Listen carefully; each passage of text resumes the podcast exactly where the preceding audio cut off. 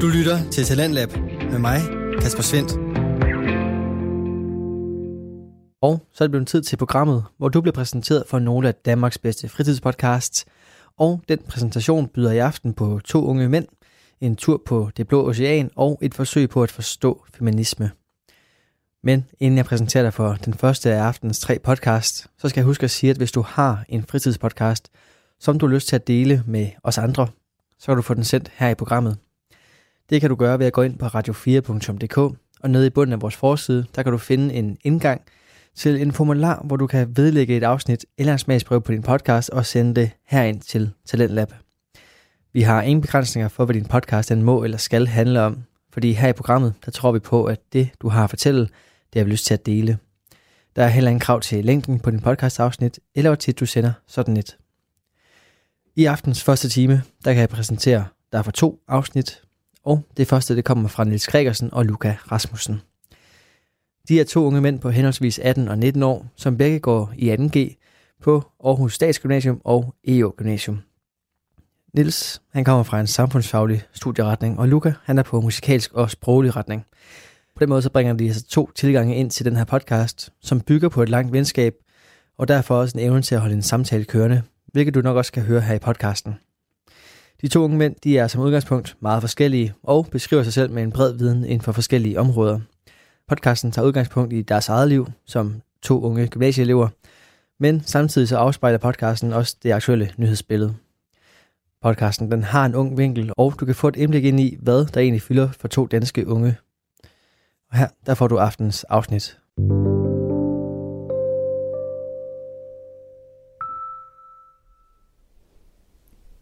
Pænt goddag. Goddag. Mit navn er Niels Bror Gregersen, Mit navn er Luke Jelle Rasmussen. og øh, du lytter til vores podcast, der hedder Det Halve Liv. Mm. Jamen, velkommen til det tredje afsnit. Det er i dag den øh, 11. januar 2020, Så vi er sprunget ind i et nyt år. og et nytår 10, Ja, som, øh, som vi jo snakkede om sidst. Hvad der er sket siden. Vejret det har ikke forbedret sig i hvert fald. Det har det ikke, nej. Det øh, kan vi hurtigt konkludere, at øh, det stadig ser ret trist og gråt ud. Ja, Øh, den her meget misfornøjet årstid, som vi befinder os i lige nu. det er, sådan, der er ikke, det er ikke rigtigt. Det er bare en periode, hvor der, der er hverken sne eller sol. Det er bare sådan alt Det- midt imellem. Det er virkelig øv. Ja. ja. Men øh, vi er jo startet op igen efter en, øh, en juleferie og, og nytår og alt sådan noget. Startede i skole igen. ja, det er vi. Det, det har været hårdt. Det har det, ja. Især efter sådan en juleferie, hvor man bare Ja. har slappet af Ja. sammen med familien. ja. Hygget sig. Noget, øh, noget sjovt, der er sket i den forbindelse, det er, at øh, min øh, danskundervisning på gymnasiet, den er blevet øh, computerfri. Og i den forbindelse, der er, er jeg kommet med i sådan et, en forsøgsordning, øh, hvor vi har en notesbog, som, øh, som man skriver i, som en normal notesbog, men, men det er på papir, hvor man egentlig kan vaske den igen med vand. Øh, og så inden da selvfølgelig scanne den ind, og så ryger det direkte ind i en mappe på enten Google Drive eller OneNote eller sådan noget. Ja, altså, jeg havde også noget lignende i 2019. Ja. Men, øh, og det var faktisk også i dansk. Mm. Men der var, øh, der var vi ikke helt der endnu. Det var bare på Nej, papir, og så, ja. måtte man, øh, så måtte man scanne det ind og Ja. lægge det på computeren. Men det er virkelig sjovt, at, øh, at øh, skoler også er begyndt at, at tænke i de baner, øh, og se om sådan noget kan betale sig. Mm. Fordi i så fald, så er det for eksempel rigtig mange øh, penge, man kan, skar, kan spare på, øh, på papirbudgettet. Ja, Og øh, del med at bruge meget papir. det gør det godt nok. Øh, og ja, så er det jo regnskov lige nede i lommen. Det er jo meget godt. Det er cool. Det er godt. Ja, Øhm, og det, altså, vi skal jo også gøre noget ved det papir. Ellers Ja. så, øh, så må vi jo finde en ny planet. ja Det, øh, men det har NASA jo også gjort for os. De har Mm. fundet en, øh, en ny planet, der hedder Toy 700D. Eller Ja. TOI TOI, ja, 700D. ja, det er godt Hvordan vide, man siger hvordan, det. øh, hvordan de udtaler det. Ja, og i den, øh, den sammenhæng, der, der så jeg simpelthen en sjov satiretegning. Ja. Øhm, det er sådan to forskere, der kigger op i et, øh, eller kigger ind i et øh, teleskop. Ja, det må Og, det jo øh, næsten være. En, en stor kikkert. Ja. øhm, Mere ved jeg ikke om det. Der, den skal vist, det er mange millioner lysår væk, den skal, Ja, den skal kunne- vist kunne kigge. kunne kigge. Ja, Øhm, ret langt. men de har i hvert fald fundet en, øh, en, en planet, der er på størrelse med Jorden, Mm. øhm, og ligger i den beboelige zone. Ja. Øhm, og så, så, så, øhm, så så jeg den her satiretegning, hvor der står øh, utroligt, det er næst, de er næsten identiske, møgbeskidte, brændende øh, og tæt på ubeboelige. det skal jo, øh, det er sgu Ja. meget sjovt. ja, De, øh, det kan være, den også er brændende, ligesom nede i Australien. ja. ja det, er- det er en vild tanke, det der med at, at sådan overveje, om vi egentlig bare skal forlade hele den her planet og give op, og så bare bruge alle vores øh, ressourcer på at og, ja, finde en ny og øh, komme derud hurtigst muligt, Ja, frem for at fikse vores egen. ja. Det, øh, Det er sådan lidt uh, new is always better. så, Øh. så, så ved jeg heller ikke, hvad man, hvad man skulle gøre, om det bare er de, de 100 rigeste, der er de eneste, der har ressourcerne til Ja. at flyve væk. Ja, det øh, bliver noget af det, at Det- arbejde og flytte folk. Apropos det, så jeg, jeg læste, de 100 rigeste Ja. sammenlagt, der Mm. har de flere penge og flere ressourcer end, eller ikke, i hvert fald flere penge end de 4 milliarder fattigste. Ja, det er vildt. Sat med en skævvridning. Det er så vildt sådan noget. Ja. Ja. Nå. Men øhm, her efter det nye år, Mm. Så har vi jo også, øh, eller den 31. og den første, der har jo været nogle nytårstaler. Det har der. Øhm, det kan vi jo ikke komme ud om. Det er jo en, en fast tradition. ja, både, øh, både dronningen og øhm, statsministeren Ja. tænkte på, hvilken, øh, hvilken af de to synes du er bedst om? Åh ja. Jeg, jeg synes i år var, øh, var dronningens nytårstale, hun kom ind på noget vigtigt. Hun øh, snakker omkring ensomhed. Øh, ikke både for, for gamle mennesker, som man jo har hørt om rigtig meget, øh, som måske er blevet øh, efterladt af deres ægtefæller, som er døde og, øh, og sådan noget. Øh, men også for børn øh, og unge mennesker, og, øh, som måske ser ud til at, at, at have et stort netværk på de sociale medier, men i virkeligheden er ret ensomme. Og det synes jeg, hun rammer noget ret vigtigt. Ja, Øhm, statsministeren nytårstale, den synes jeg, øh, den bare præg af, at det var hendes første. ja det er rigtigt. Ja. Øhm, jeg synes, der var nogle ting, hun, der var nogle vendinger, der var lidt underligt, og øh, hun, hun sagde nogle lidt, lidt skøre ting nogle gange. Men, øh, og ja, så, så lagde, jeg, lagde jeg mærke til, at den i år var filmet sådan lidt fra et, øh, et skævt perspektiv. det, det synes jeg var lidt... De var lidt dig, eller Ja, det, det sad og det dirrede lidt meget i mine øjne, da, da hun gik på der. Men, øh, men det har jo ikke noget med indhold at gøre. Nej, jeg skulle sige, hvis det, hvis det er det, du lægger mærke til, så, øh, ja, så er det måske ikke indholdet, du helt har, Nej, har lyttet efter. men øh, altså på samme måde som dronningen talte om, om børn, der talte statsministeren jo også om børn i høj grad.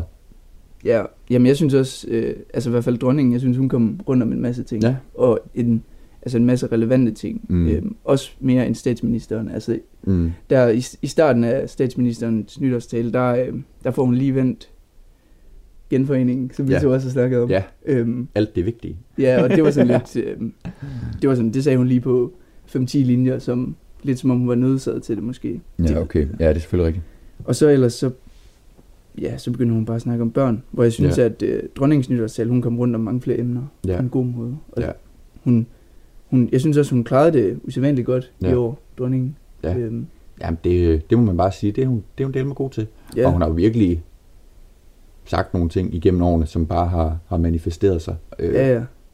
Ja, jeg så nemlig også sådan en, øh, hvor de kiggede tilbage, ja, lige præcis. et par år ja. tilbage, og så hvordan det er nu. Ja. Der har hun, øh, der har hun ramt plet. Ja, det, det, Det er det er vildt, hvordan hun, hun kan formå det, når man alligevel tænker, at der er jo en eller anden form for afstand fra, fra kongehuset til, til befolkningen. Mm. Men at hun stadig har en eller anden føling med det på den måde. Og, ja. Ja. og en virkelig god og præcis føling.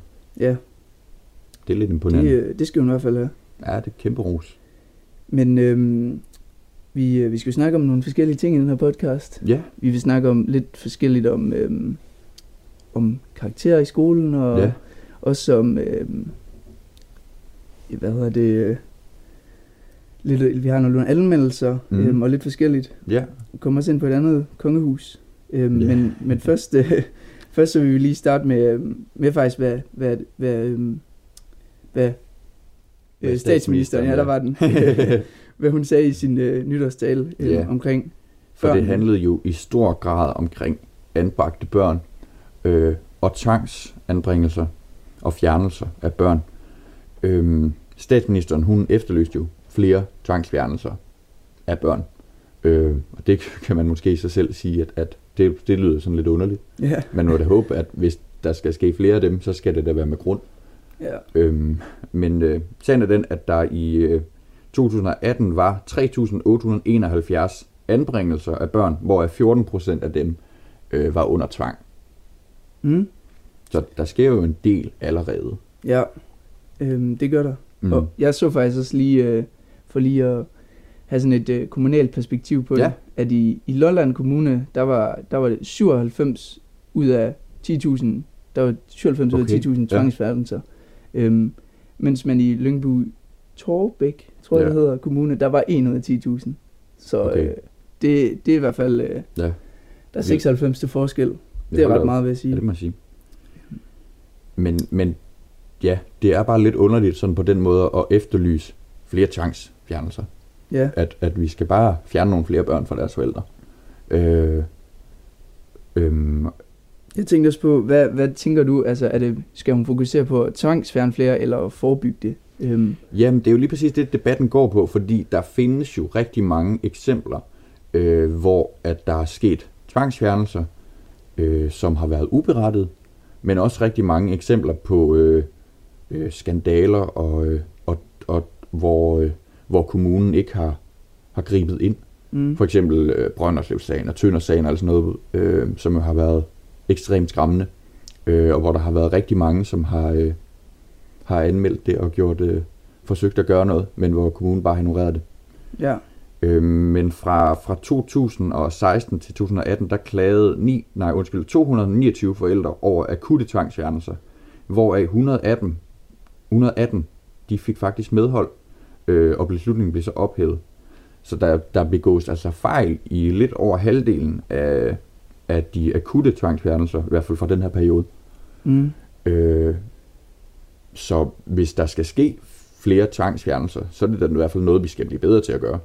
ja det, det kræver nemlig også, at selve tvangsfjernelserne bliver bedre, Ja, lige præcis. end at der bare bliver flere. ja, Det skal jo også øh, gå hånd i hånd, ja, i stedet for det på en eller anden måde. Ellers så kan det jo nærmest føles som sådan en, en, en dobbelt svigt for barnet. Altså, Ja. Først så bliver man svigtet af sine forældre derhjemme, Mm. mm. hvilket er altså noget helt, ja, helt eksistentielt. Ja. Øhm, og så efterfølgende, så bliver man også svigtet af samfundet. Ja. Altså måske fordi de opdager det for sent. Lad os Ja. sige, når man er 16 år, Ja. så har man måske haft 15 dårlige år ja, foruden. ja som, øh, Øhm. som statsministeren snakker om også. Ja, øhm, og så også, øh, altså og så også, hvis man så, hvis man så kommer ind i et system, der ikke rigtig fungerer. Ja, Øhm, det er i hvert fald ærgerligt. det er det. Men øh, tror du, at altså det måske er sådan, når hun snakker, til så, at hun prøver at snakke til sådan, altså hun mener etniske danskere, eller etniske med anden etnisk baggrund. Øhm, hvor tror du, det er sådan, er det alle grupper, eller er det nogle grupper af samfundet, det ligger i? Jamen, altså, jeg håber vel, at hun taler om alle grupper, øh, fordi at øh, vi skal hjælpe alle, uanset hvad. Men øh, hun lagde da et fokus på, øh, på forældre med udenlandsk øh, baggrund. Øh, og det, øh, det er måske der, man ser det største problem. Øh, men jeg ved ikke, om, om det er det rigtige fokus at have, Nej. fordi det gælder vel alle børn, uanset hvad. Øh, Ja, men jeg tænker også, det må, det må godt nok være svært, og hvordan finder man lige ud af, om Ja. et barn skal tvangsfjernes eller ej? Altså, Ja. hvordan, hvordan kommer man ind og finder ud af, at altså, det er barnet, der selv går, ja, går ud og siger, at jeg bliver slået derhjemme, eller, ja, eller hvordan fungerer det? Fordi det er jo, det er jo helt inde i privatlivet. Øh, ja. Socialdemokratiet, de vinder og rykke rundt. ja, det må man sige. Så, men øh, vi må se, hvordan hun klarer det. Ja, det bliver spændende at se. Hun har jo udpeget sig selv som børnenes statsminister. Ja, Øh, jeg synes faktisk, i den forbindelse, der er det sådan lidt, lidt paradoxalt, øh, fordi at regeringen tidligere øh, på året, eller i 2019, de øh, haste gennemført den her øh, beslutning om, at øh, syrienkrigers øh, børn, som jo rent faktisk er danske statsborgere, som sidder fanget nede i flygtningelejre, de ikke kan blive hentet tilbage til Danmark. nej, Øh, og det er jo lige præcis det, som hun, hun snakker om i sin nytårstale, at, at vi skal se på børnene, og vi skal... Ja, hun vi skal siger, jeg tager børnenes børn- side. Ja, lige præcis. Ja, og være ligeglad med, hvad forældrene har gjort, og, men, men så og, og efterlade de børn dernede. Det synes jeg, det er helt forkert. Det, det må være min egen forbeholdende holdning. Altså, uanset hvad om hvad deres forældre har gjort, altså noget, så er de jo danske statsborgere, og, og det kan vi jo ikke gøre noget ved, og sådan er det bare. Øh, jeg hørte også en, øh, en juraprofessor snakke om, at, at det er enormt paradoxalt, at vi i Danmark, hver gang, at der er nogle kriminelle, der kommer til Danmark og øh, øh, laver indbrud eller et eller andet, så vil vi have, at de skal afzone deres straf i deres hjemland. Ja. Men de danskere, som øh, rejser ud i verden og laver kriminalitet, dem vil vi bestemt ikke have med hjem. Nej, Det, øh, det er noget skørt noget. ja, det, det synes jeg ikke rigtigt, vi kan tillade os, faktisk. Nej, det er rigtigt. Ja. Yes. Men øh, er der mere at sige om, sige om det her emne? Nej, jeg, jeg tror, vi, vi skal jo se, hvad der sker, og øh, det er jo tit sådan med nytårstaler, at, at de lufter nogle tanker, øh, primer lidt, Ja, og, øh, ja, og så, øh, så må vi jo se, når der kommer et stort udspil på et eller andet tidspunkt, hvilket der jo nok gør, Mm. inden her, altså her i løbet af foråret. Men altså afslutningsvis, så, altså jeg vil måske gerne lige sådan påpege, at hun i den her nytårstale, hun sætter så meget fokus på børnene, men, Ja, og det her med at være børn og statsminister, men altså, hun er jo folkets statsminister. Ja. Hun er Danmarks statsminister. det og, er hun, ja. Og selvfølgelig, der er problemer med, med alle de her børn, øhm, og Mm. de skal selvfølgelig også, altså der skal fokus på det, ja. men der er godt nok også mange andre problemer, både i Danmark og ude i verden, øhm, Ja. hvor hun, det stryger hun lidt let henover. Ja. Øhm, så må vi se, hvordan det går næste år for hende. Det kan være, hun, øh, hun tager lidt af det til, til efterretning. Det kan Ja. vi håbe. det må vi håbe, ja. ja. Øhm, Vi går jo i gymnasiet, Niels. det gør vi. Og øh, i gymnasiet, der fungerer det jo sådan, at øh, hver gang man, øh, man afleverer noget, øh, som oftest, og øh, regelmæssigt, så får man karakterer. Mm. Det gør man. Øhm, det skal lige siges, på mit gymnasium, der, øh, der er i hvert fald den tid, jeg har gået Ja. ja. der, der øh, lærerne, de har været meget sådan, Ja. ja. vi prøver at lade være med at give karakterer, Ja. ja. og vi vil hellere give noget konstruktivt Helt feedback, øhm, Det i er, stedet for også, bare et øh, tal. det er også det, jeg oplever. Ja. Ja, Men uanset hvad, så er der jo de faste standpunktkarakterer, er og øh, årskarakterer og eksamenskarakterer, som man jo ikke kan komme udenom. Nej. Øhm, og, og det er jo også meget relevant lige nu, Mm. øh, fordi SF, de kommer jo øh, med hver dag, eller hver dag, der kommer SF med en ny idé. De, har, øh, de er meget idérige inde Ja. øh, på par- partikontoret. Men det, det, det vil jeg understrege, det er en god ting. Ja. Øh, fordi altså, der er et pres øh, Det er og der. et karakterræs, Ja. ja. uden tvivl. Øhm, men de er kommet med flere idéer, SF. Blandt andet, mm. at øh, de vil sætte et uddannelsesloft. Nej, et, et uddannelsesloft, hvad snakker jeg om? Ja. Et øh, sådan Det har de adgangsloft. lige fjernet. ja. øhm, Et adgangsloft, ja. ja, hvor at man max skal have 10, ja. eller for at komme ind på en uddannelse med ja. uddannelser, der har over 10. De skal bare rykkes ned til 10, så man kan søge ind med 10. ja. Eller det kan man jo godt i forvejen, men ja. øhm, så, kan man, så kan man blive, jamen altså, så bliver man ikke optaget, men man kommer ind, og så skal man tage sådan en unit-test, ja. øhm, og så vurderer de på baggrund af det. Mm. Og det er jo en god ting, Ja. øhm, fordi så er der ikke så meget pres på at altid få topkarakter for at komme ind på ens, Ja, ens yndlingsstudie. Øh, og 10, det er, jo, altså, det er jo stadig en ja, høj karakter, bestemt. og en, Okay. og en karakter, der er svær at få. Ja. Øhm, men de vil også, øh, de, vil, de har også snakket lidt om at lave en ny karakterskala, Ja. der skulle hedde øh, 0, 2, 4, 6, 8, 10, 12. Ja. Øhm, Det er så helt Og- drop minus karakter. ja, præcis. Ja. De vil nemlig gerne droppe minuskarakteren, fordi at det er bare et spark i hovedet, Ja. øhm, mener de. Og al- altså, jeg ved ikke, minuskarakter, minus 3 var det, eller er det jo. Ja. Den, altså, den er virkelig også, jeg vil næsten sige, den er umulig at få. Hvis, altså, Det, det kræver et, øh, et seriøst stykke arbejde, ja, og man skal, man, man skal næsten lade være med at komme. præcis. Ja. Jeg har altid, øh, min gamle matematiklærer, han har altid sagt til min klasse, hvis øh, I skal bare møde op, og så skriver jeres, øh, skriver jeres navn på, så er Ja. jeg nærmest sikret et, et 0-0. altså, Ja. så det, den er virkelig, den er, altså, det er helt umulig nærmest. Mm. Men, øhm, men det er jo hele det her med, at der er så meget pres på ja. elever. Ja. Det er, jo, det er jo det, de vil gøre noget ved. Ja. Øhm, men jeg, jeg ser sådan også lidt sådan, personligt, så ser jeg også, at for eksempel på mit gymnasium, hvor lærerne, de, de har taget det op og, Ja. og prøver at gøre noget ved det. Ja. Men jeg synes, det kommer meget fra sådan eleverne selv, ja. der selv har nogle idealer og nogle... Ja, og det er, også, det er også en sag, som øh, øh, Danske Gymnasieelevers Sammenslutning har, har stået på ret længe. Ja. Jamen præcis. At, at altså, det er noget, sådan, eleverne selv Ja. skal leve op til. Ja. Og noget, måske, jeg ved ikke om det er noget, de føler, at deres forældre forventer af dem, eller om mm. det bare er helt personligt. Ja. Men, men jeg, altså, jeg føler i hvert fald, at det virkelig er eleverne, der sætter meget mere fokus på det, end lærerne. Ja. Øhm, Helt sikkert. I sidste ende i hvert fald. Ja. Øh, Så, så måske skulle man gøre noget ved, altså endnu tidligere. Ja. Jeg, jeg kan for eksempel huske, at øh, i folkeskolen, der, der fik min klasse altid at vide, at ah, nu skal I snart på gymnasiet, og Ja. nu skal I tage sammen, og gymnasiet det bliver hårdt, og hvis I Ja. fortsætter sådan her, så kommer I ingen vegne og sådan noget. Ja. Hvor man, så, altså, så kommer man på gymnasiet, Ja. og så lærerne de sådan, vi skal ikke have karakter det første år. I får Mm. to standpunkt, tre standpunkts karakter. Ja, og det er det. Øhm, men ellers så skal I ikke have nogen karakterer og sådan noget. Ja. Hvor man så bare, ja, fra 7. til 9. har, har hørt på sin, Ja. sin gamle religionslærer sige, øh, ja, uden tvivl. sige eller snakke så meget om, at de har karakterer. Ja, Øhm, så måske skulle man igen kigge altså lidt længere, Ja. lidt tilbage i Ja. uddannelsessystemet, hvis man kan sige det sådan. ja. Jeg hørte et lidt, øh, lidt skræmmende eksempel på, på, hvor slemt det her det er, øh, at, at der er sådan en eller anden en metode til, hvis man nu for eksempel gerne vil ind på et af de studier, der kræver en rigtig høj karakter, øh, det kunne være medicin eller sådan et eller andet, øh, så vælger man en linje i gymnasiet med fag, som man er god til, som ikke er relevante for medicin. Det kunne være, hvis man øh, var god til samfundsfag og engelsk, så tog man den linje i stedet for alle de der naturfaglige øh, fag, ja. som det krævede. Og så fik et højt snit øh, i gymnasiet, forhåbentlig højt nok til, at man kunne komme ind på medicin. Og så læste fagene op bagefter. Fordi når du læser fag op bagefter, så skal du bare bestå, og de påvirker ikke ens øh, snit Ja, fra præcis. gymnasiet.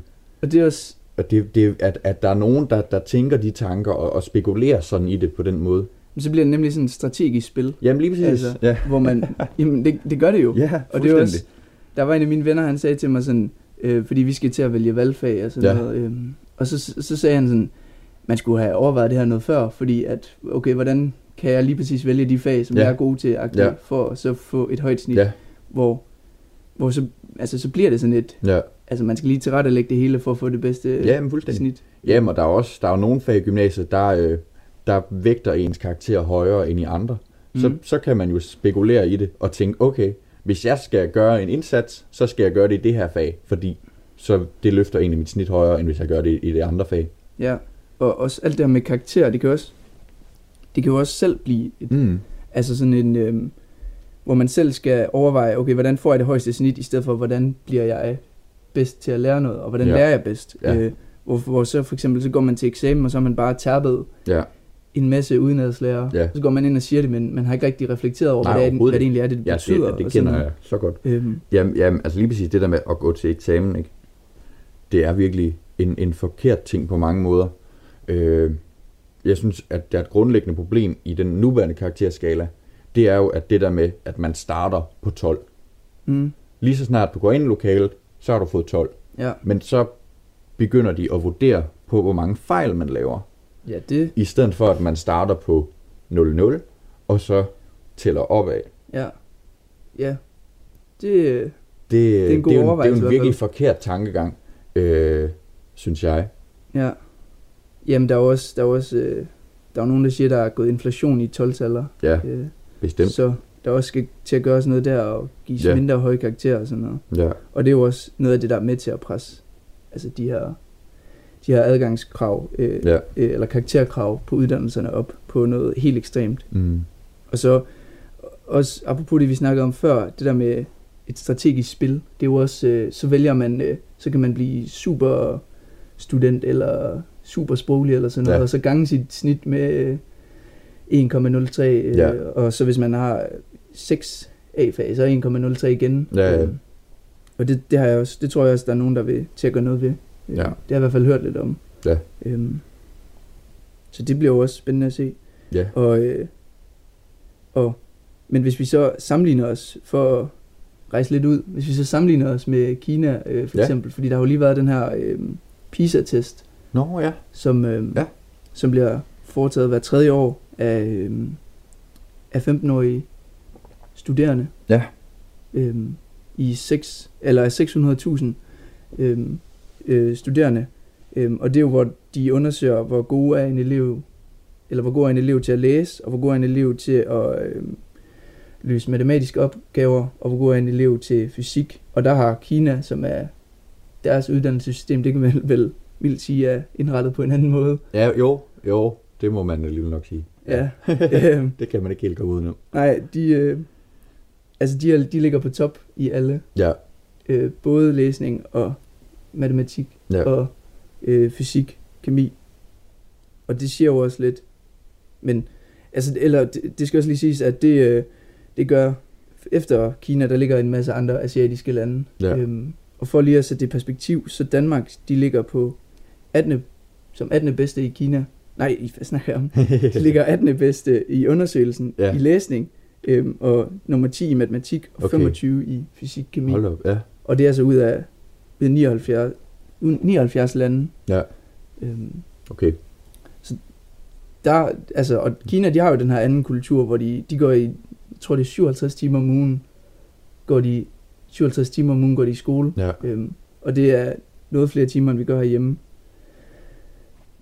Så på en eller anden måde, så virker det jo for Kina, at de Mhm. mm. presser deres elever. ja. Øhm, men jeg ved, den her test, den har så også fået noget kritik over, at der ikke er sådan en etisk og en kreativ og en Ja.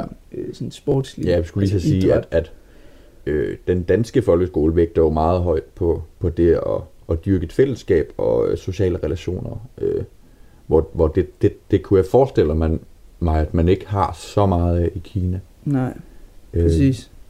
Øhm, og så også, altså det skal man jo også bruge, når man kommer ud på arbejdsmarkedet. Helt bestemt. I stedet for bare at kunne noget, Ja, kunne lære noget udenad, og så bare, bare sige det. Ja. Men øhm, Jamen, altså, der har også været meget øh, debat om her på det sidste. Kunne, kunne læse et par, par debatindlæg rundt omkring. Øh, nogen, der forsøger at talesætte det her med, at der i gymnasiet åbenbart er sådan en, en lidt sløset kultur. Øh, med at der bliver brugt for meget tid på, øh, på dogne elever i godsøjne. Øh, og dem, som rent faktisk vil lære noget, altså noget, de føler, at de bliver øh, overtrumfet og ikke, ikke kommer nogen vegne. ja, Øhm, men altså, det er jo sådan lidt modsigende af det hele. ja, det er det. Men Jamen, jeg skulle bare til at sige, at der er det vist også SF, der vil ud og gøre noget. ja. men, ja, men ja, det er jo lige præcis det her med, om, om, om det er for nemt at komme på gymnasiet, Mm. eller om, øh, om man skal sætte adgangskravene højere op. Altså, hvis man ser det som et almindeligt gymnasium, Ja, så synes jeg ikke, man Nej. skal sætte Nej. kravene højere op. Mm. Fordi hvis det er et almindeligt gymnasium, så burde det også være tilgængeligt for alle, der vil. ja, Øhm, og hvis man vil, så burde det også være sådan, så kan man også godt. mm. Øhm, det tænker jeg i hvert fald. det er selvfølgelig rigtigt. Hvad tænker du? Nej, men det er faktisk meget sjovt, du siger det, fordi der var en af, en af dem, der skrev de her øh, øh, debatindlæg. Hun er faktisk øh, bestyrelsesmedlem i Liberale Alliances Ungdoms øh, hovedbestyrelse. Øh, så ja, hun har jo det frie valg til at, til at vælge et andet gymnasie. Mm? Hun kan jo bare øh, komme på et privat gymnasie. Det er selvfølgelig rigtigt. Ja. Øhm, så det skal jo på den måde være åbent for alle. ja, det tænker jeg da i hvert fald. Ja. For alle, der har muligheden. Ja, Det er jo lige præcis den liberale tankegang. ja, at Ja. vi, bliver, vi har muligheden alle sammen, Ja. det er rigtigt.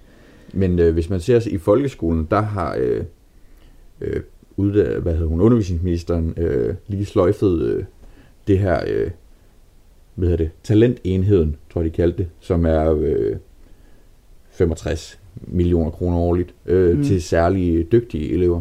Ja. Hvad tænker du om det?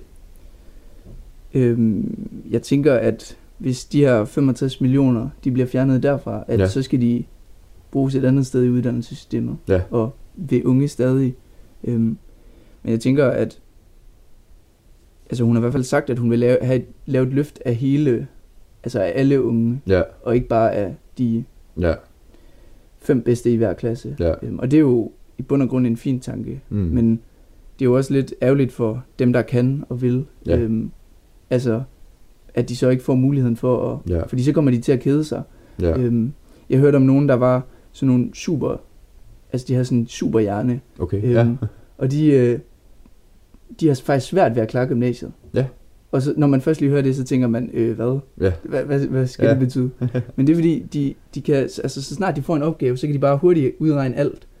Og så sidder de bare tilbage, og så sådan, om det var det. Mens så andre elever, de skal måske bruge en time på det. Ja. Eller så får de en, øh, de skal skrive en aflevering. Øhm, og så kan de bare, altså så kan de bare, for eksempel, hvis man har nogle bilag, så efter et minut, så kan de bare hive de vigtigste ting ud, og så skrive dem ned. Ja, Og så, okay. så skal de fylde, altså så skal de fylde de her fire timer, der måske er sat af til aflevering Ja. ud. Øhm, og så kommer de til at kede sig, og så bliver de presset sådan på, på at de ikke får nok udfordring øhm, Ja. og sådan noget.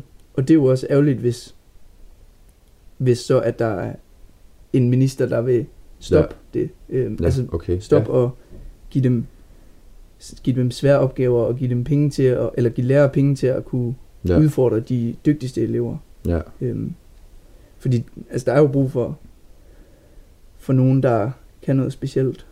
Bestemt. til at tage en masse, tage en masse uddannelser og poster Ja, i samfundet. ja. Men ja, vi må jo se, hvor, hvad, hvad det ender med, om, øh, om regeringen de køber en af SF's mange forslag. Ja, Øh, det bliver spændende at se. de, regeringen de bliver ved med at sige, at det er, det er et godt forslag. Ja. Altså, så nu må vi se, ja, hvad, de, den, hvad den, de må I gør selv, ved det. den må I selv løbe med. Vi må selv blive øh, Ja, et regeringsparti, og så... Ja. uha. Nej, de skal jo samarbejde. Ja, selvfølgelig. Så, og det lyder som om, at de også gerne vil gøre noget ved det. Ja. Så det, jeg tror heller ikke, det er usandsynligt, at der sker noget snart. Nej. Hvor jeg, det er også, jeg synes, det er tiltrængt. Ja, Øhm, men jeg synes, at jeg synes, altså, det er meget af det her med, at det, det er elevernes egne forventninger ja, til sig selv. Ja, Og det der med at afspejle sig i andre. Ja. Sådan er det, det mest væsentlige. ja, I hvert fald en del af det. ja, 100 procent. Men øhm, jeg har faktisk lige en anmeldelse Ja, af en, øh, af en serie, jeg har Mhm. set øh, på, på Netflix. Ja. Eller noget af en serie. Det kan godt være, at øh, den kommer lidt for et, et par år for sent, fordi sidste, øh, sidste sæson, den blev, den, den blev afsluttet i 2017, var det. okay. Øhm, Ja. Men jeg tænker, at øh, det er en lidt anderledes serie. Nu får man jo hele tiden... Øh, vi hører jo hele tiden om alle de her The Vikings og mm. øhm, alle de her serier med slåssekampe og sådan noget. Ja. Øhm, så nu, nu synes jeg, at øh, nu er det også lige på tide at få, noget med, øh, få en helt anden... Øhm, få set noget helt andet. okay. Øhm, og derfor så vil jeg gerne anmelde den serie, der hedder Suits. Ja.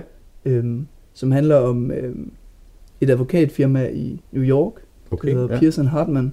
Mm. Øhm, og så en, en, en ung dreng, der, øh, eller han er vel 23, øhm, et ung menneske, En ung mand. ja, der, der hedder Mike Ross. Øhm, og han, apropos alt det, vi lige har snakket om, han, er sådan, han har en superhjerne. okay. Han kan, læse en, han kan læse en bog, og så kan han citere den udenad. Altså så kan man, man ser for eksempel et, øhm, eller det kan være, at jeg lige skal fortælle, hvad den handler om. Den, altså den handler om øhm, ham her, Mike Ross, øhm, som er den her, har den her superhjerne. Mm. Han, øh, ja, det han egentlig laver, det er, at han, han ryger has, Mm. og så, øh, så, så øh, tager, han, tager han prøver for andre, der for eksempel gerne vil være, komme ind på How, eller Howard, eller øh, Mm. øh, andre steder, øh, og, eller deres eksamen, øh, for de så kan for eksempel blive advokater. Og så tilfældigvis, så skal, eller han skal aflevere en, øh, en mappe til en, øh, med, jeg ved ikke, 10, 5 kilo has måske, Okay. Øhm, men så, så ser han så, han opdager det politiet, og så flygter han så, og så kommer han ind til en samtale med en advokat, som øh, arbejder for det her Pearson Hartman. Øhm, og så, øh, så skal han egentlig bare få tiden til at gå, så han ikke bliver opdaget af politiet. Men så sidder de og snakker, og så siger han jo, øh, så ham her advokaten, han spørger, hvorfor du er her og sådan noget, øhm, og så siger han, at jeg kan, jeg kan citere hele den bog, du har brugt mange år på at læse udenad. Mm. Øhm, og så sådan sker det egentlig, og så får han faktisk et job på det her, øhm, på det her advokat, eller i det her advokatfirma. Ja, okay. Og, øhm, og det er bare, altså det er en god serie, fordi at man ser, hvordan han, uden at have læst jura, Ja. så bliver en advokat, øhm, Nå, okay. Ja, for sjovt. og arbejder for sådan en af de mest øh, betydningsbærende advokater i, øh, i New York. Ja. Øhm, og, i den, og i den sammenhæng, der er det lidt sjovt, fordi øhm, Meghan Markle, hun, øh, hun er med i den. Okay. Og det er jo hende, der øh, har taget alle avisforsider i, i, øh, i England Ja. den sidste, de sidste par dage. Ja. Øhm, og der er hun jo fordi, at, ja, at nu vil prins øh, Harry og hende, de vil trække sig ud af sådan kongehuset, eller de offentlige Ja, pligter. sådan, i hvert fald sådan de mere officielle, ja. Men, men det sjove er, at i den, i den, her, i den her serie, Ja. Der, øh, det, hun, bliver, hun bliver tit filmet som sådan som sådan øh, en, en, en flot pige og en, en lækker pige, øh, og filmer på sådan, både hendes krop, men man ser også nogle scener, hvor hun sådan har, hun har samleje med ham her hovedpersonen og sådan noget, Okay, og, så, og så, så, så tænker jeg bare lidt, hvad siger dronning Elisabeth ikke til det? Altså, ja, det er i hvert fald lidt uden for, for kongelig etikette, Præcis. tror jeg også. Øh, øhm, om, om hun har set det. Ja, præcis, Ja. ja. om hun har set det. Øhm, og hvad hun siger til det. Det tænker Ja. jeg i hvert fald hver gang, man ser hende øh, Ja. sig med ham Ja, her hun- hovedpersonen. Ja, hun plejer i hvert fald at være en, øh, være en, en meningsholdig dame. Ja, Øh, men ja, det er jo lidt sjovt. Øh, hele, ja, selvfølgelig hele ægteskabet mellem øh, hende og prins Harry. Øh, men også det her, at, at, at de trækker sig på den måde, som de gør. Øh, det er meget kontroversielt mm. øh, inden for kongehus generelt, men især for, for Storbritannien, som jo er meget konservativt monarki, Ja. og øh, meget elsket af folket og, og sådan noget. ja og, men altså, øh, prins Harry, han er den sjette tronfølger. Ja, Øh, så, og han er lillebror af, tror han er kronprins, eller altså hans storbror er kronprins. ja. Så han var, havde højst sandsynligt ikke Nej, nej, nej, det er fået en rigtigt. vigtig post i Ja. ja. øjne. Ja, Øhm, men ja, de har jo trukket sig, fordi de gerne vil leve mere privat ja, og væk fra offentligheden. ja. Øhm, Og de snakker også i forhold til deres børn. ja, præcis. Ja. De har jo et, øh, de har et barn, der hedder Archie, Ja, øhm, som de fik i 2019, og de Mm. blev gift i 2018. ja. Øhm, det kan være, det er i øh, Prince Harry, han har set øh, Meghan i, øh, i Suits, og så har han tænkt, Ja, hende det er selvfølgelig en mulighed. bliver jeg nødt til at score. Ja, det kan nok ikke afvises. Men det er især også fordi, at øh, prinsesse Diana, hun, det, er jo der, det er Prince Harrys øh, mor, Ja, ja. Øh, som hun blev jagtet af, Ja, øh, ja, af de her paparazzier, og så Ja. kørt galt. ja. Øhm, og også i, i England, der er det meget, altså jeg tror, der er meget mere fokus på sådan, der er meget mere sådan billedblad, der Ja, de og har hører. en, en uhyggelig sladderpresse Ja, derovre. det har de i hvert fald. Ja. Nils, øh, jeg tror, vi, har, vi er ved at runde det for i dag, vi vil snakke om. Ja, det tror jeg også, vi har. Så, øh, så må vi se, om vejret det... øh, Om det bliver bedre? Ja. Hvad, tror, tror du på, der, der sker noget, eller tror du bare, det, det bliver ved? Jeg håber på, altså der, der bliver nødt til at komme noget sne. Sne? Okay, ja. Okay, jeg sidder, jeg sidder og håber på forår. Nå, nej, der, er, jo- der, skal der, der skal der være sne. Vi kan ikke gå igennem en, en vintertid uden at have sne, Ja, synes jeg okay. ikke. Jamen, det er okay. Men så, så, så, så håber vi på det. Ja, Ja. det er rigtigt. Ja. Men øh, det er rigtigt. Jeg tror også, øh, vi er ved at være færdige her for i dag. Ja. Så jeg ved ikke, medmindre du har noget, øh, noget at Nej. slutte af med. Så vil jeg bare sige, øh, sige rigtig mange tak, Niels.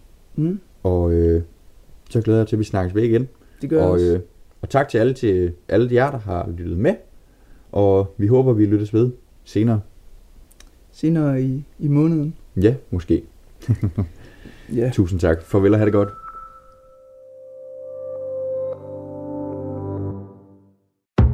Radio 4 taler med Danmark. Det var den tredje episode fra podcasten Det Halve Liv, som du har kunne høre her i Talentlab. Podcasten er med de to værter, Niels Gregersen og Luca Rasmussen, og det var aftens første podcast afsnit. Som aftens andet afsnit, der kan jeg præsentere dig for podcasten Eventyret starter her. Det er en podcast lavet af Kasper Beltoft, hvor han har os som lytter med på hans båd og hans rejser på og med den. I aftens afsnit, der skal du høre omkring nogle af alle de ting, som man skal forberede sig på, før man begiver sig ud på den store rejse. Og det afsnit og den snak får du her. Det bedste er at sejle hen til sommerlandet. Hej og velkommen til podcastserien Eventyr starter her. En podcastserie om og med gæster og gaster om båden Aviaja, om mig selv og min datter og de ture, vi alle sammen skal på sammen. Jeg hedder Kasper. Og jeg. Og jeg hedder Britt. Hej og velkommen til 6. afsnit af podcastserien Eventyr starter her. I vil sikkert spekulere over, hvem det var, der lige stak hovedet frem. Og det kan I høre i det her afsnit. I kan også høre om de lister, som jeg går og gør mig, omkring de forberedelser, jeg mener, der skal til for at gøre det muligt at komme ud og sejle langt. Så jeg håber, I vil lytte med, og velkommen til. Som I nok kunne høre, så er der kommet en ny gæst med ombord, nemlig Britt. Og Britt, hun har ikke fået sit eget værelse. Hun har været så heldig, og det har jeg i øvrigt også, øh, at få lov til at dele værelse med mig. og det er jeg rigtig glad for. Britt hun sidder faktisk lige ved siden af lige nu, og derfor så er jeg også mulighed for at spørge hende om en hel masse ting. Det vil jeg se, om jeg kan få hende til at svare på lige om lidt. Men, øh, men først skal vi lige øh, catche lidt op. Fordi siden sidst, der var både Britt og jeg inde og besøge Trina Vitus. Og det gav en hel masse inspiration og en hel masse fornyet eventyrlyst. Og som vi også hørte sidst, så havde Trita og Vitus lavet en kæmpe liste med forberedelser, der skulle være klar, før de kunne tage afsted på deres eventyr, på deres lange tur. Og det har sådan fået mig til at, at spekulere lidt over, om jeg også skulle lave sådan en liste, for ligesom at se, hvad er det for nogle ting, som jeg øh, mener, der skal til, og, og i øvrigt vil prioritere, og, og skulle have med, og, og være klar med, når jeg engang gerne vil afsted. Så derfor har jeg øh, sat mig ned sammen med Brit, og vi har lavet en liste. Vi har faktisk lavet øh, både en lang liste, en mellemstor liste og en kort liste, alt efter hvor meget øh, økonomien måske er korrekt til. Men, men sådan helt uredigeret, så tror jeg, I får den lange liste, og så kan vi altid barbere den ned til den korte liste. Men først skal vi lige høre lidt om Brit. Fordi Brit, hun har valgt at, at være så modig at vælge at tage ja til at arbejde i en retning, som, som indebærer, at vi måske en dag skal ud og, og få en hel masse oplevelser og eventyr i en sejlbåd. Og derfor så er det jo nærliggende at spørge Brit, om hun er den fødte sejler. Det kan man så ikke rigtig sige. Jeg har ingen erfaring med sejlads. Men, men, men det passer jo så heller ikke helt, fordi du, du er faktisk startet, startet til noget, ikke? Jo, det er rigtigt. I sidste uge, der startede jeg i sejlskole i sejlklubben Vikingen. Så det er meningen, at jeg skal lære noget om sejlads og noget om at styre en sejlbåd. Ja, og det er, jo, øh, det er jo i hvert fald det første skridt på vejen, kan man sige. Jeg kunne også godt tænke mig at vide, hvad er det, der gør, at øh, du tænker, at det kunne være spændende at søge eventyret i en sejlbåd?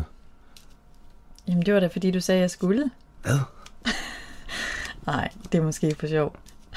Det var da ikke det, vi havde aftalt, du skulle sige. Nej. Okay, hvad var det så? det er fordi... Vi prøver lige igen. Hvad var det så? Jamen, så var det, at øh, et lille eventyr, eller måske et stort eventyr, det kan man jo ikke gå glip af. Så jeg synes, det lød virkelig spændende og anderledes, og noget, jeg i hvert fald ikke har prøvet før. Jeg håber i hvert fald, at uh, Brits eventyrlyst den er intakt efter en fuldendt sejlerskole og nogle forhåbentlig gode weekendture og sommerferieture i år, sådan at vi på sigt måske kan arbejde os frem til et stort og længere eventyr sammen. Og nu til listerne. Fordi i ugens løb, der har Britt og jeg siddet og prøvet at liste op, hvad vi mener, der skal til for, at vi kunne føle os klar, og i øvrigt føle os komfortable med at skulle ud og sejle i en længere periode. Og det blev der en, et ganske stort Excel-ark øh, med en kæmpe lang liste af ting, vi godt kunne tænke os at få gjort og få med øh, ud af. Og dem vil vi prøve at, at kategorisere, og så prøve at liste op, og ligesom vurdere på, er det noget, som er nice to have, eller er det noget, der er need to have?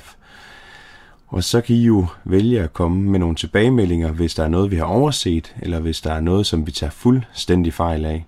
Og der vil jeg bare lige sige, at hvis man har nogle input til det, så kan man skrive det enten ind på Instagram under Eventyret starter her, eller på Facebook under Eventyret starter her. Det skulle være muligt at finde mig begge steder, eller finde os begge steder. Og, øh, og så vil vi meget gerne høre om det. Det kunne også være, at der var nogen af jer, der lå inde med nogle af de ting, vi snakker om, brugte, som I gerne vil sælge, så er det også der, I tager fat i os. Vi ligger fra land med listen med at snakke om sikkerhedsudstyr. Fordi på vores liste, der har vi følgende under sikkerhedsudstyr. Vi har en redningsflåde. Vi har nogle gode redningsveste. Vi kunne godt tænke os et nødsignal, en EPIRP, og så nogle personlige nødsignaler, altså nogle PLB'er. Så skal vi have noget nødblus med, og så kunne vi rigtig godt tænke os at have en satellittelefon med, sådan at det er muligt at give besked hjem til, om det går godt, men også for, at det er muligt at, at hente vejrudsigter ned øh, undervejs. Hvad kan man sige? Set ud fra sådan vores, vores økonomiske ramme, så fylder sikkerhedsudstyr selvfølgelig eller ikke selvfølgelig, men det fylder en del, men det er også noget, som vi ikke har det særlig godt i maven med at skære ned på. Og skærer vi ind til benet, så er det nok det, vi er kommet frem til nu, øh, som vi mener, at der er nødvendigt at have med. Samlet set så mener vi, at sådan en omgang den kommer til at ligge i omkring ja, omkring 35.000 for, for hele pakken, alt efter hvad for en satellittelefon, som vi vælger. Det skal måske lige siges, at vi i forvejen har livliner til at spænde os fast på båden, hvis det skulle være rigtig dårligt vejr. Så det er ikke noget, vi, vi har med på den liste. Og så har vi lavet en komfortliste, og den indeholder topmadras til sengen, hønder op til cockpittet, øh, sådan nogle brusesække, camp showers, pyntepuder til, øh, til sofaerne og fiskegrej.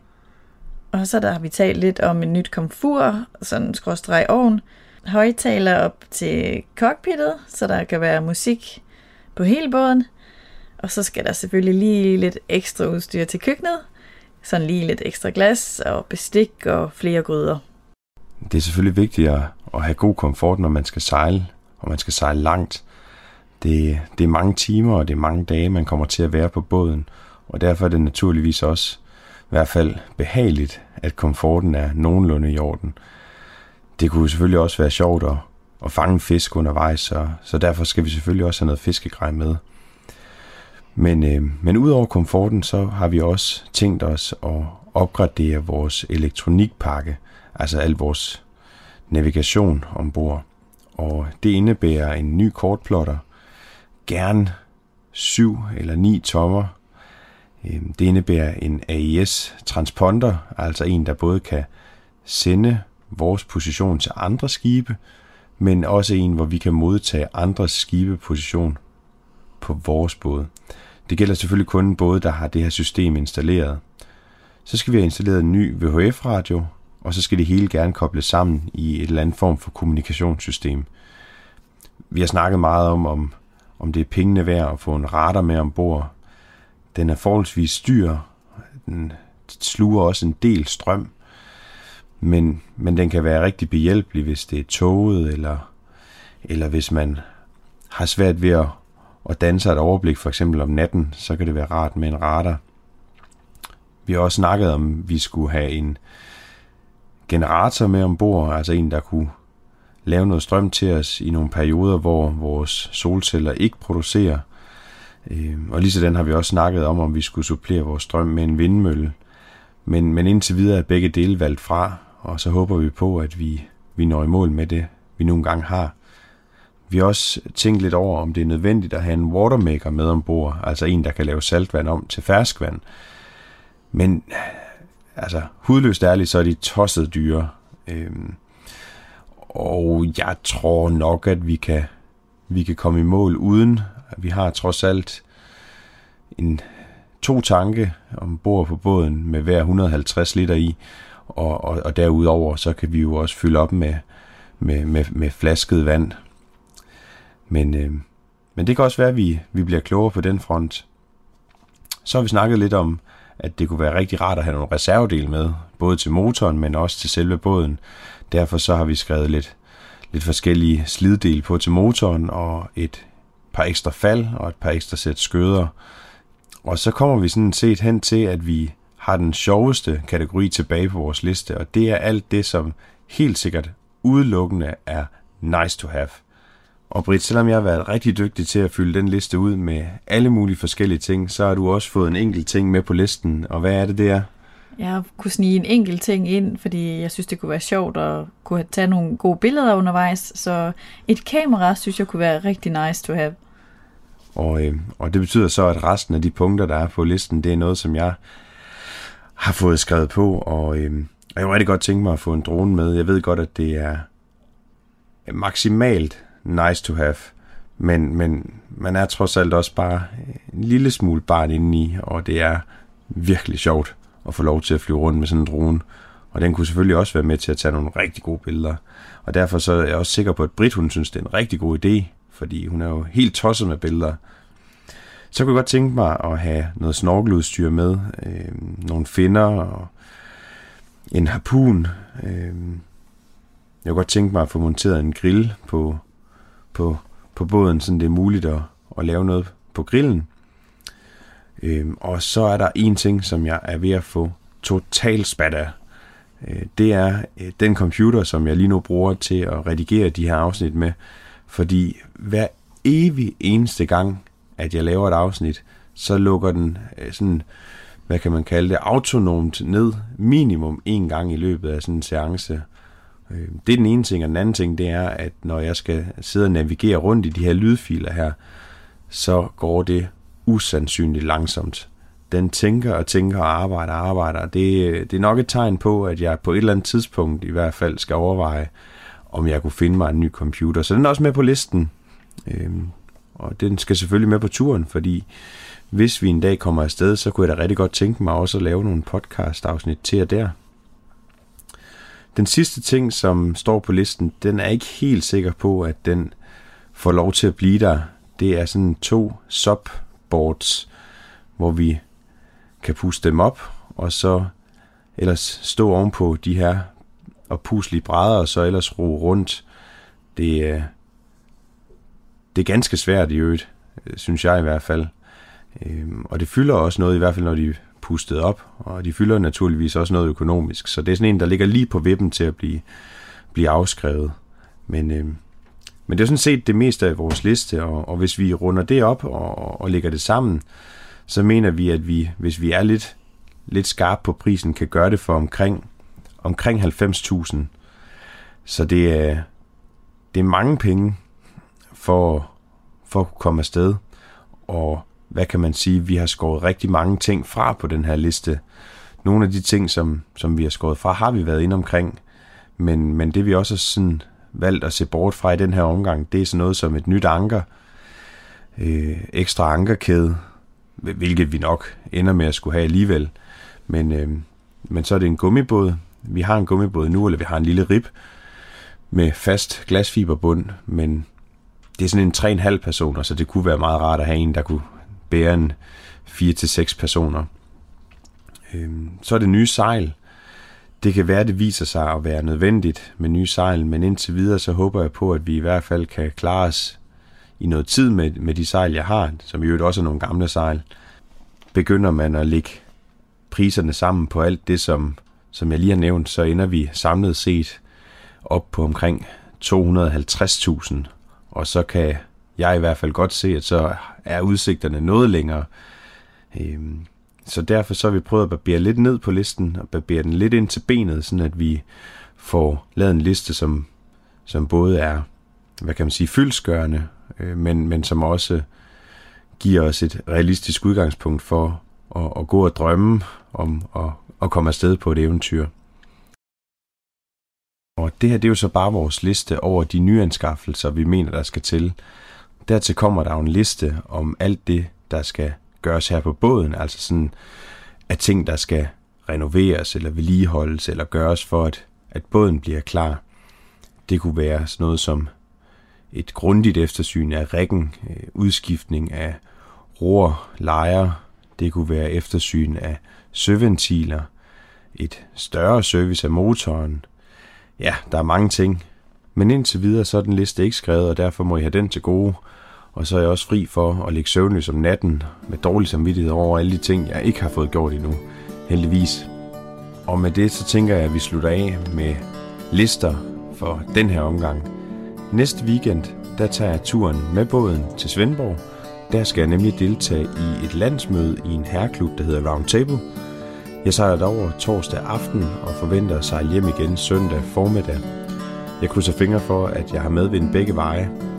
Hvis I skulle befinde jer i Svendborg, så er I selvfølgelig meget velkommen til at kigge ned på havnen. Hvis jeg er hjemme, så giver jeg gerne en øl eller et glas vin. Og hvis ikke, så er der ikke andet for end at sige, at vi høres ved i næste afsnit. Tak fordi I lyttede med, og på genhør. Hej hej! Radio 4 taler med Danmark. Det var et afsnit fra podcasten Eventyr starter her med Kasper Beltoft. Det var samtidig også det sidste afsnit for denne time af Talentlab. Og inden du får nyhederne, så skal jeg huske at fortælle dig, at hvis du også har en fritidspodcast, som du har lyst til at dele her i programmet, så kan du gøre det ved at gå ind på radio4.dk og udfylde den her formular, hvor du kan vedlægge et afsnit eller en smagsprøve på din podcast og sende det ind til Talentlab. Vi har ingen begrænsninger for, hvad din podcast den må eller skal handle om, fordi her i Talentlab, der tror vi på, at de historier, du har lyst til at dele, dem har vi lyst til at høre og sende. Der er heller en krav til længden på din podcast-afsnit, eller hvor tit du sender sådan et. Mit navn det er Kasper Svendt, og jeg står så klar i næste time med endnu en times Talentlab, men først der får du dagens sidste nyheder.